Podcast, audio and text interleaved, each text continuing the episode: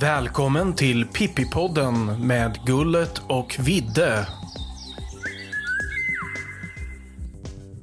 Vad är detta och vilka är vi? Ja, Pippipodden det är eh, någonting som vi tyckte behövdes. Alltså, poddar finns det ju i miljoner numera men det finns inga poddar som handlar om Pippi eller om fåglar. Så eh, vi tyckte att vi behövde starta en liten Pippi-podd. Och vi, det är alltså Kristoffer Gulander. Och Anders Widheim. Och vi kommer båda från Halmstad, eller rättare sagt vi bor båda i Halmstad. Kristoffer kommer någon annanstans ifrån, Småland eller vad är det? Precis, jag är inflyttad till Halmstad sedan drygt 15 år tillbaka och har fågelskådat i ungefär 20 år. Och vi är passionerade fågelskådare båda två och vi tyckte liksom att ja, nu, nu ska vi dra igång en podd. Nu ska det handla om fåglar. I radio också, eller åtminstone i era lurar. Mycket nöje. Och vi kommer att blanda både seriöst och kuriöst. Det blir inte allvar hela tiden men då och då sticker vi emellan med lite allvar. Eller hur? Absolut. Oseriöst med seriöst. Ja, någonting som är aktuellt just nu är Vinterfåglar in på knuten som arrangeras av BirdLife Sverige. Vad är Vinterfåglar in på knuten, Anders? Ja, namnet säger ju faktiskt inte så mycket men det handlar just om vinterfåglar in på knuten, alltså fåglar som vi har precis utanför fönstret.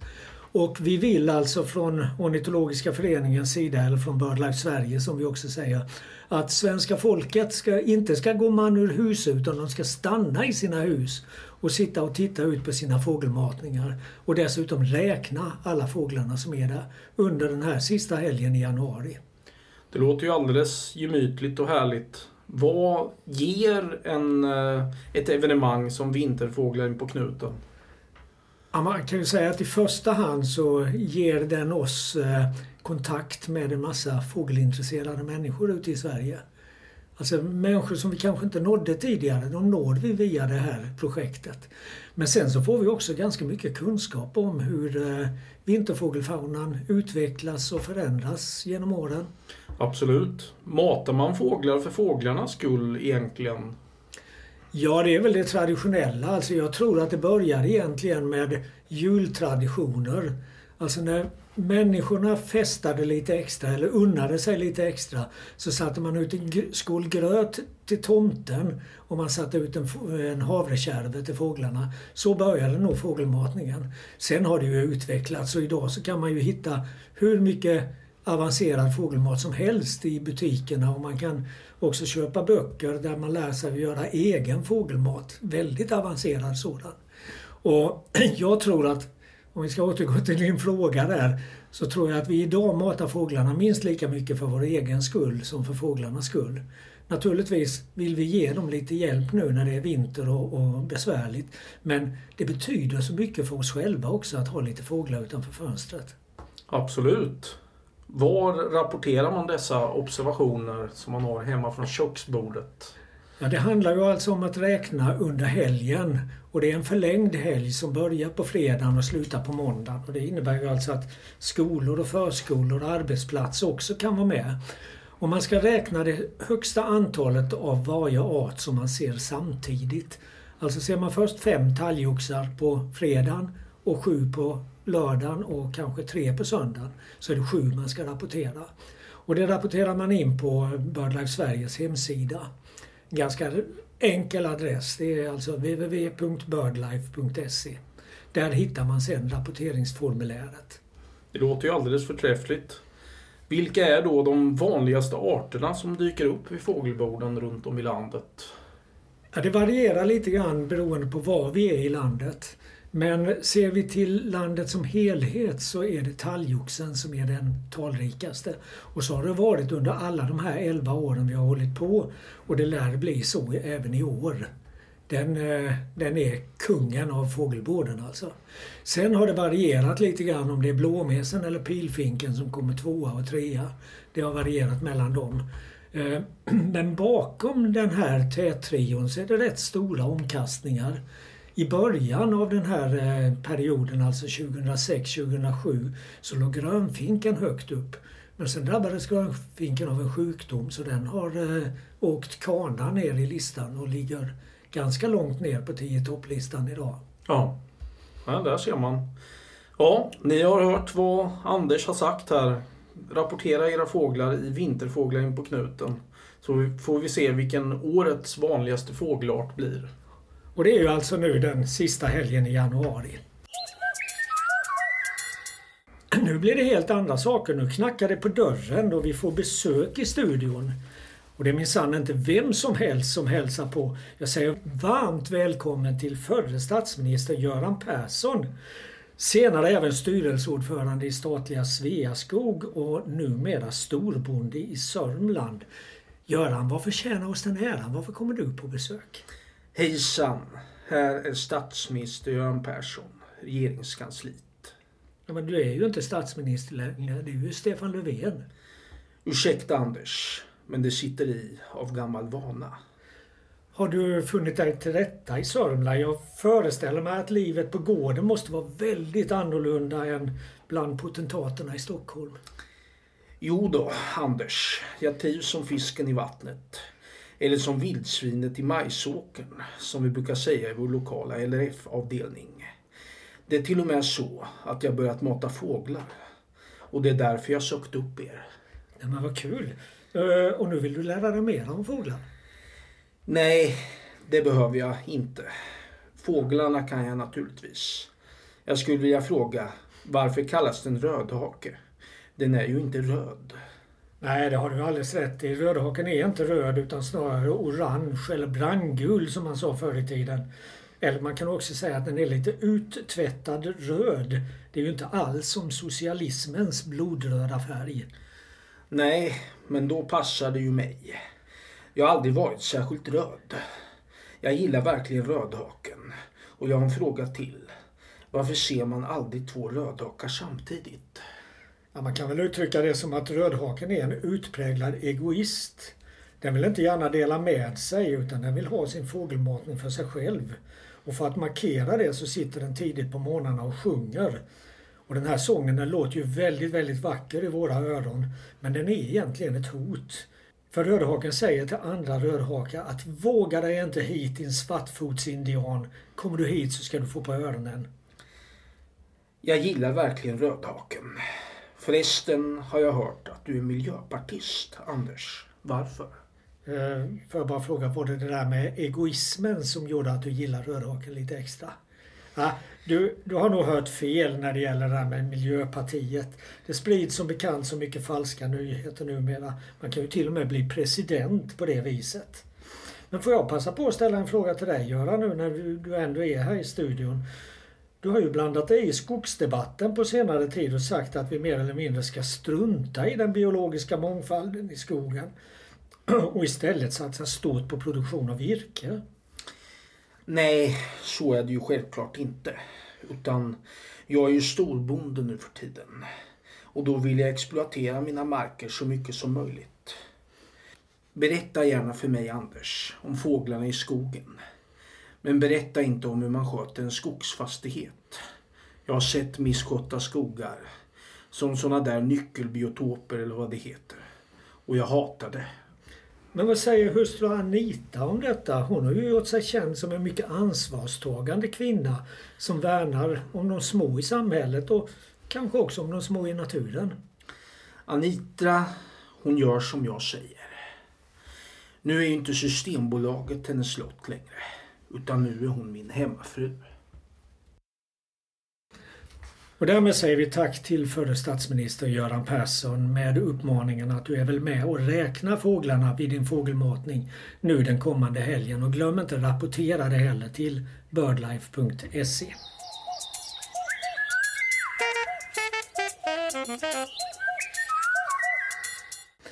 Nu ska det handla om någonting helt annat. Nu ska det handla om hökugglor. För ett av den här vinterns riktigt stora dragplåster i fågelvärlden är alla de hökugglor som dyker upp långt söder om sitt ordinarie område. Och de här de lockar mycket folk. Eh, Hökugglorna är ju dagaktiva och de uppträder ju ofta ganska förtroligt utan någon nämnvärd skygghet. Kristoffer, har du sett någon hökuggla i vinter? Ja, det kom faktiskt en på besök i eh, våra hemmamarker redan i oktober. Och den har stannat kvar och är fortfarande kvar nu en bra bit in i januari. Den håller till i Vapnö grustag utanför Halmstad där den hittar gott om föda och har lockat till sig många skådare och bjudit på uppvisning. Mm. Jag försökte räkna på Artportalen och kom fram till att minst 155 hökugglor har rapporterats till Artportalen nu under januari månad. De allra flesta av dessa finns i Götaland och Svealand men enstaka har rapporterats så långt norrut som vid Jokkmokk.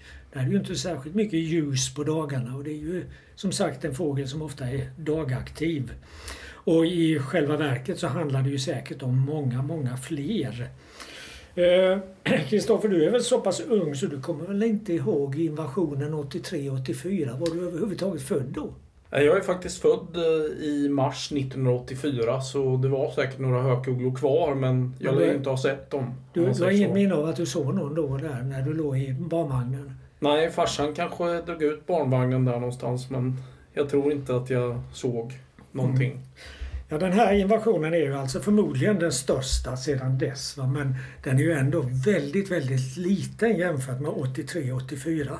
Då räknade man med att det fanns minst 2000 hökugglor bara i Värmland. Oj. Och eh, efter den där stora invasionen så genomfördes det väldigt många häckningar långt söder om det ordinarie häckningsområdet. Och om någon tittar i Svensk fågelatlas så får man en väldigt felaktig bild av av eh, hökugglans utbredning i Sverige. För just det här sista året, 84, det var också det sista året på, på eh, eh, Svensk fågelatlas, på den inventeringsperioden ska jag säga. Och då var det ju alltså väldigt många häckningar. Jag tror till och med det var häckningar nere i Småland av hökuggla.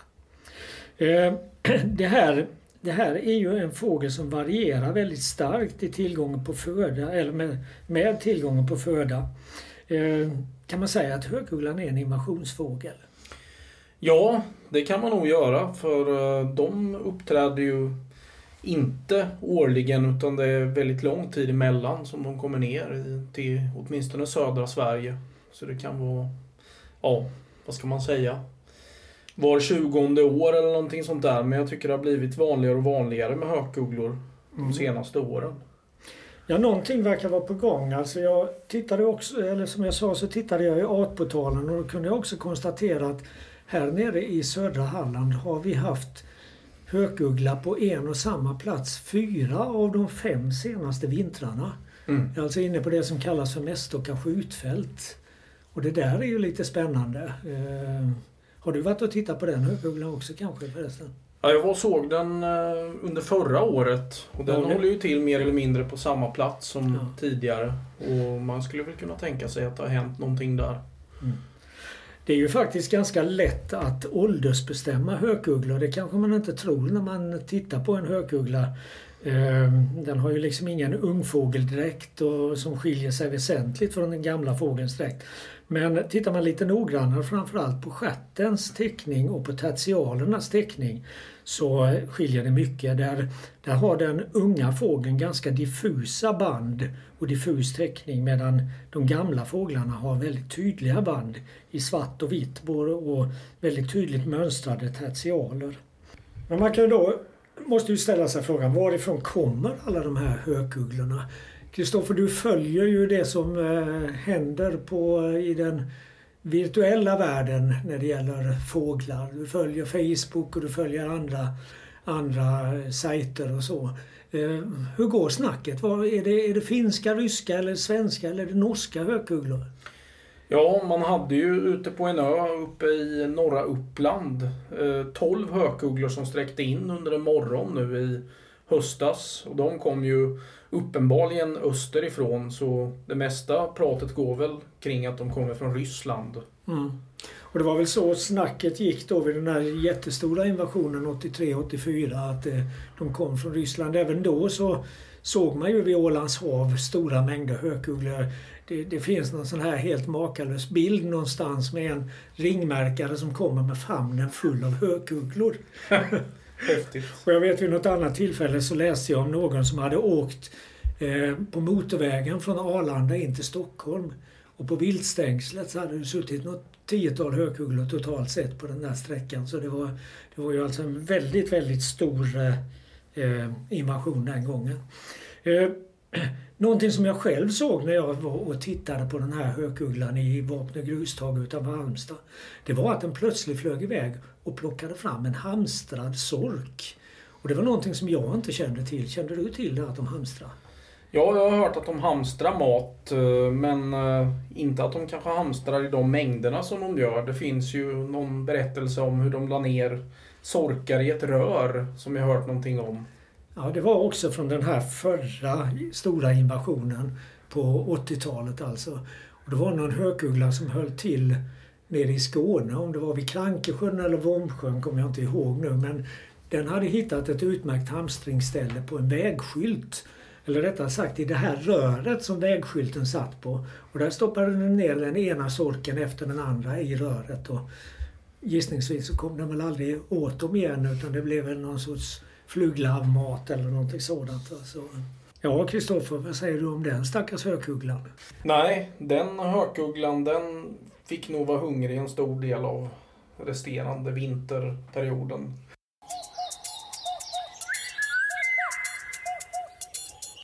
Ja, och från hökugglor så tar vi steget över till tuvsnäppor. Och från det nationella alltså ut i den stora vida världen. Vi ska försöka följa lite grann av vad som händer i den vetenskapliga ornitologiska litteraturen också. Och nu eh, i början av januari kom det en väldigt, väldigt spännande och intressant artikel som handlar just om tuvsnäppa. Och man skulle väl kunna sätta som rubrik att tuvsnäppan är verkligen fågelvärldens häradsbetäckare. Och det är modern fågelforskning med hjälp av ljusloggar, satellitsändare och annan sån här avancerad teknik som ständigt ger oss nya och spännande och ibland också häpnadsväckande rön. Och häpnadsväckande är just det rätta ordet när det gäller den här studien av revirhävdande tuvsnäppor. Den presenterades i tidskriften Nature nu i början av januari.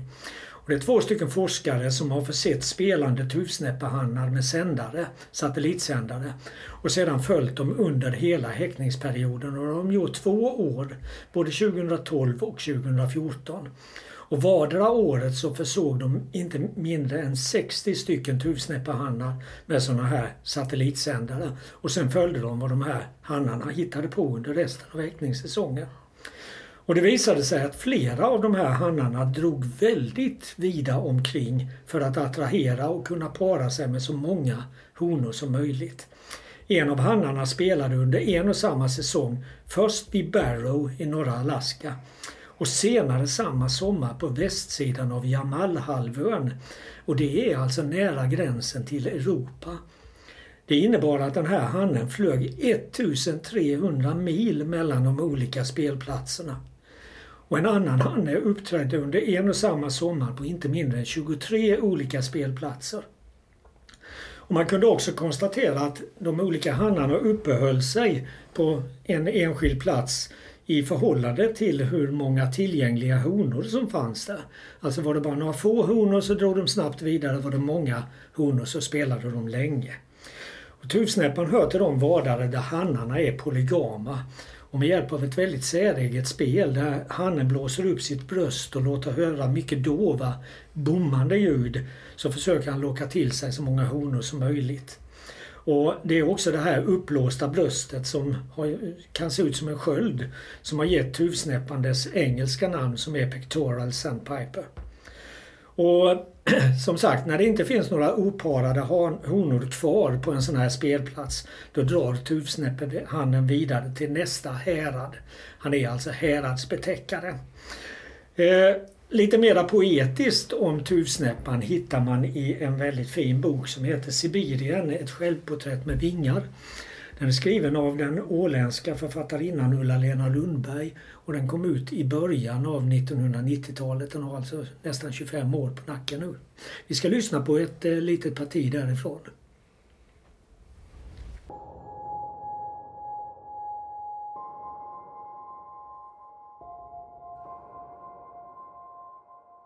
Då hörde jag något som lät som en avlägsen detonation. Ett besynnerligt muller som trots allt föreföll att ha sitt ursprung alldeles i närheten. Det lät som en sprängladdning djupt under jorden. Man kunde nästan inbilla sig att marken skalv helt lätt. Jag såg mig omkring, men såg ingenting som jag förknippade med ljudet. Då hörde jag det igen och nu var jag uppmärksam och kunde lokalisera det. Det kom mycket närmare ifrån än jag först hade trott. På en tuva, så nära att jag nästan hade behövt mina läsglasögon, stod en tuvsnäppa.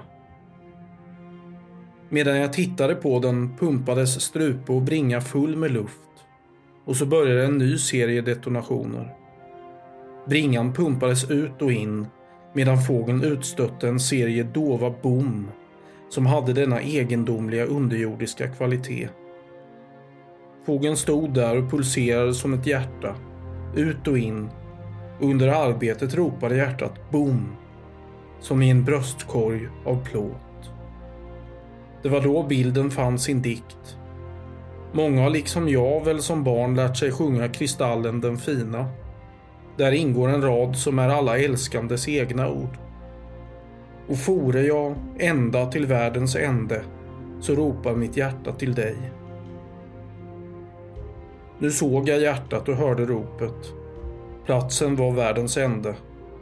Och det var precis som i folkvisan. Precis så enträget ropar hela skapelsen sitt bom över jorden. Det stiger ur en nöd och ur en lust som är som ett skalv.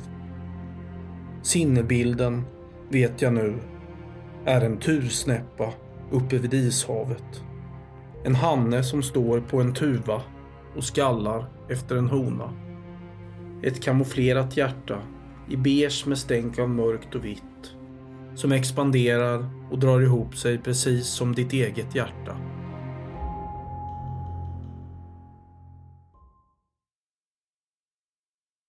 Ja, Pippi-podden handlar alltså inte bara om sånt som är lite kuriöst i fågelvärlden. Det finns en lite allvarlig sida i den också. Och ett sånt exempel det har vi ute på Tylön som är en fågelö på svenska västkusten. Som namnet säger så ligger den ganska nära Tylösand som är en välkänd badort. Och eh, Tylösand ligger i sin tur strax väster om Halmstad. Tylön är en ganska liten ö, nästan rund. Den är ungefär 600 meter i diameter. Och det här var en bemannad fyrplats under väldigt lång tid. Men 1968 avbemannades fyrplatsen och fyren ersattes av en automatisk så kallad kasunfyr som står på ett grund ute i havet utanför. Innan det så hade det faktiskt bott upp till fyra familjer och som mest cirka 30 personer på den här lilla ön. Och i en period så hade fyrpersonalens barn till och med egen bofast lärarinna ute på ön. Men det är alltså snart 50 år sedan fyrfolket försvann från Tylön och de senaste 15 åren så har det inte bott någon alls på ön. Inte ens några tillfälliga sommargäster. Tylön är som sagt också känd som en fågelö. På 1960 och 70-talet så fanns här Sveriges allra största fiskmåskoloni med som mest drygt 5000 häckande par. Det låter nästan osannolikt idag. Och på 1970-talet nådde också ejderpopulationen sin topp med drygt 1000 par, närmare bestämt 1001 ruvande ejderhonor räknades då vid en inventering. Den senaste inventeringen som gjordes 2015 den gav bara drygt 110 ejderhonor, alltså bara 10 procent av vad som fanns på 70-talet. Och det fanns inga fiskmåsar alls. De var undanträngda av trutarna sedan ganska många år. Eh, inventeringen nu 2015 gav 336 par gråtrut, 55 par silltrut och 18 par havstrut. Dessutom en del nykomlingar i form av bland annat 6 par grågås och 20 par vitkindad gås. Och fågelfauna har alltså förändrats kraftigt genom det senaste århundradet. Men det är inte det som den här krönikan egentligen handlar om. Det är istället den förlamning som statliga myndigheter kan drabbas av, ibland på grund av sina egna regelverk. Tullen är nämligen en ö som är stadd i förfall. De gamla fyrvaktarbostäderna, som borde vara ett kulturminne, de är i ett riktigt uselt skick. Det som hänt med utedasset, som i sen tid är kompletterat med en modern latrin, det kan säga vara symptomatiskt. Dasset blåste omkull under stormen Gorm hösten 2015 och det ligger faktiskt fortfarande på ända. På boningshusen och uthusen så flagnar färgen kraftigt och det känns som bara en tidsfråga innan det blir riktigt allvarliga skador även där. Och anledningen till den här ömkliga situationen är att Fastighetsverket som förvaltar Tylön enligt uppgifter från sina egna anställda de investerar inte i några renoveringar om man inte kan få hyresgäster som inom överskådlig tid kan betala tillbaka de investerade pengarna. Och några sådana har man inte hittat trots att man har letat i närmare tio år vid det här laget. Och på en ö som Tylön med byggnader i långt gånget förfall så kommer renoveringen att bli mycket kostsam. Det lär i sin tur innebära att eventuella arrendatorer eller hyresgäster måste vara mycket penningstarka om de nu ska kunna betala tillbaka investeringen. Och det faktum att det råder tillträdesförbud på större delen av ön under hela häckningssäsongen, alltså under hela sommaren, eh, det lär inte göra det lättare att hitta en penningstark hyresgäst.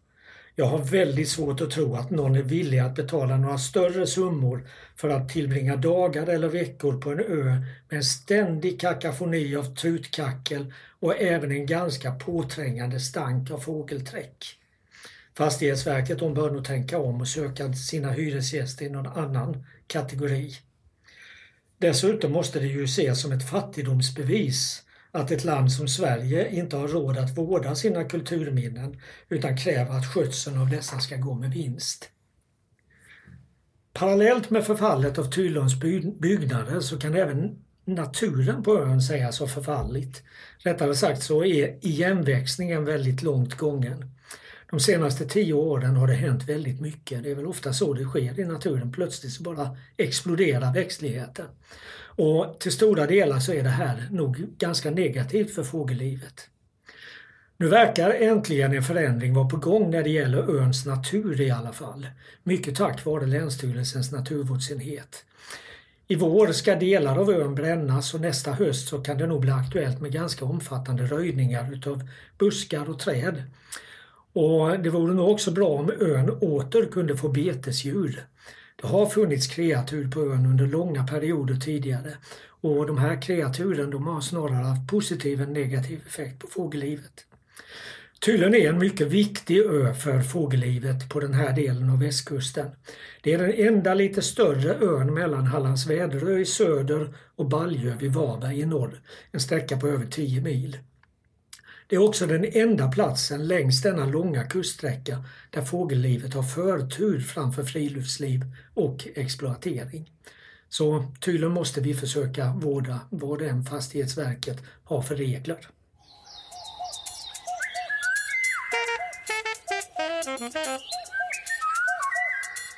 Ja, Pippipodden görs alltså av Kristoffer Gullander och Anders Wirdheim från Halmstad. Eller Gullet och Vidde som vi kallar oss också.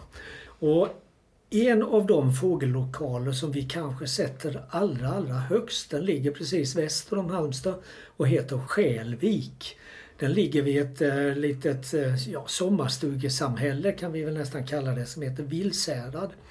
Och eh, när man är ute och skådar fågel på en och samma plats, kanske en hel förmiddag, så händer det ju så väldigt, väldigt mycket annat än det i fågelväg alltså. Det finns något att upptäcka i Skälvik om man varit där vid flera tillfällen och skådat fågel under en längre tid. Det slår aldrig fel. Det är tre helt olika saker som händer varje dag Förutom att det flyger förbi diverse olika roliga fågelarter. Det handlar om tre olika män. En som vi kallar för Cykelmannen. En annan som vi kallar för Hundmannen. Och en tredje som vi kallar för Badmannen. Vad har dessa tre gemensamt? Ingenting. Förutom att de någon gång varje dag kommer ner till piren i Skälviks hamn fast vid olika tillfällen. Vi brukar stå på nordsidan av bodarna längst ut i hamnen för att få lä från sydvästvinden som brukar generera de bästa sträckdagarna. När vi lyfter ögat från tuben brukar ingen vara där förutom oss. Vi fikar, skådar, raljerar och har det allmänt trevligt. Men så händer det. Helt plötsligt kommer en man i grön reflexväst och hjälm ner med sin cykel i hamnen. Han har backspeglar på styret och cyklar snabbt ner på piren. Han stannar upp men sitter fortfarande kvar på sin cykel och tittar ut över havet. Detta gör han varje gång i drygt en halv minut. Sedan sätter han iväg på cykeln och trampar ut ur hamnen igen. Vi brukar försöka möta hans blick, men han vill inte. Det är likadant varje gång. Sen är han försvunnen.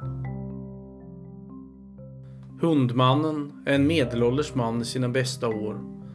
Han har två små svarta hundar som är väldigt söta med tjock päls. De gillar inte vatten och trippar helst runt regnpölarna när de går förbi. Hundmannen brukar även ha reflexväst på sig.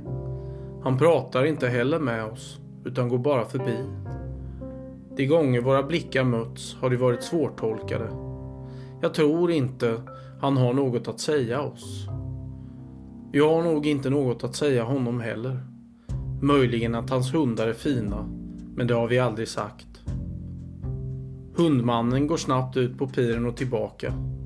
Han tar det lugnt, men det ser ändå ut som om han har bråttom.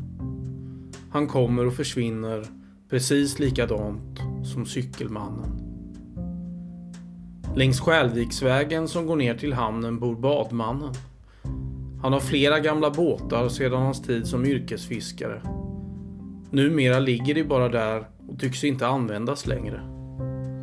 Badmannen är lätt alkoholiserad. Det har vi märkt då han ofta luktar alkohol då vi talas vid. Han brukar komma ner i sin vita bil, stanna upp, veva ner rutan och fråga oss om han kan ta ett bad. Vi brukar då svara ja. Varpå han åker ner med bilen på piren och klär av sig naken och hoppar i. Han badar året runt i princip. Snabbt går han ner i vattnet och sen upp för att ta på sig sin svarta morgonrock. Sedan sätter han sig i sin bil och kör snabbt hemåt. Han brukar hälsa hej då inifrån bilen och sen är han borta. Vi står kvar och trålar med våra tubkikare ut över havet. Vistas man tillräckligt länge i Skälviks hamn får man se dessa tre fenomen. Det är tre vanemänniskor som säkerligen gjort detta långt innan vi kom in i bilden och började skåda på lokalen. Känner de varandra? Troligen ja. Men de kommer aldrig ner på piren samtidigt. En sak är säker. Om du har en dålig skådardag i Skälvikshamn kommer du alltid att kunna beskåda hundmannen, cykelmannen och badmannen. Ja, ni lyssnar alltså till Pippi-podden med Gullet och Vidde. Nu har vi åter besök i studion och det är vår gode vän Falkenbergaren, ingen mindre än så. Och vi har bett honom komma hit för att bekräfta eller dementera uppgifter om att det är en mycket ovanlig fågel som håller till i Falkenberg. Det är nämligen så att vi nåtts av ryktet att det ska finnas en stationär sibirisk järnsparv i stadsdelen Västra Gärdet i Falkenberg. Är den kvar? Ja, men vad säger du? Betyder det att du har sett fågeln? Ja, ja, självklart. Men hur länge har den funnits där och hur länge har du känt till det? Ja, det är väl i oktober som den hittades. Men vänta nu, vänta nu. Har fågeln funnits på plats i tre månader utan att du har sagt någonting? Ja, så är det. Men varför har du inte sagt något? Är det för att det är någon villaägare där som inte vill ha folk rännande runt huset som du har hållit den hemlig? Nej, inte alls. De tycker att det är kul och brukar bjuda på kaffe när jag är där. Men varför har du inte berättat det här? Det hör ju till god skådased att man sprider tunga fund av det här slaget. Jag har själv inte sett någon sibirisk järnsparv. Jag skulle gärna ha velat se den. Jag ville ha den för mig själv på kommunlistan. Microbirding, du vet. Men du är ju själv alltid så angelägen om att få tips när det dyker upp ovanliga fåglar. Ska du inte leva som du lär? När man är så gammal som jag behöver man inte tänka på att leva som man lär. Ja, det var ju alltid en lärdom för resten av livet. Ni har lyssnat på Pippi-podden med Gullet och Vidde och vi är tillbaka om en vecka, hoppas vi. Texterna om hökugglor och tylön gjordes och lästes in av Anders Widheim. Texten om de tre männen i Skälvik gjordes och lästes in av Kristoffer Gulander. Redigering gjordes av Frida Nettelblatt. Pippi-podden tar gärna emot tips på vad som kan vara med i programmet i framtiden. Skicka oss gärna ett mejl på pippipodden gmail.com. Allt gott!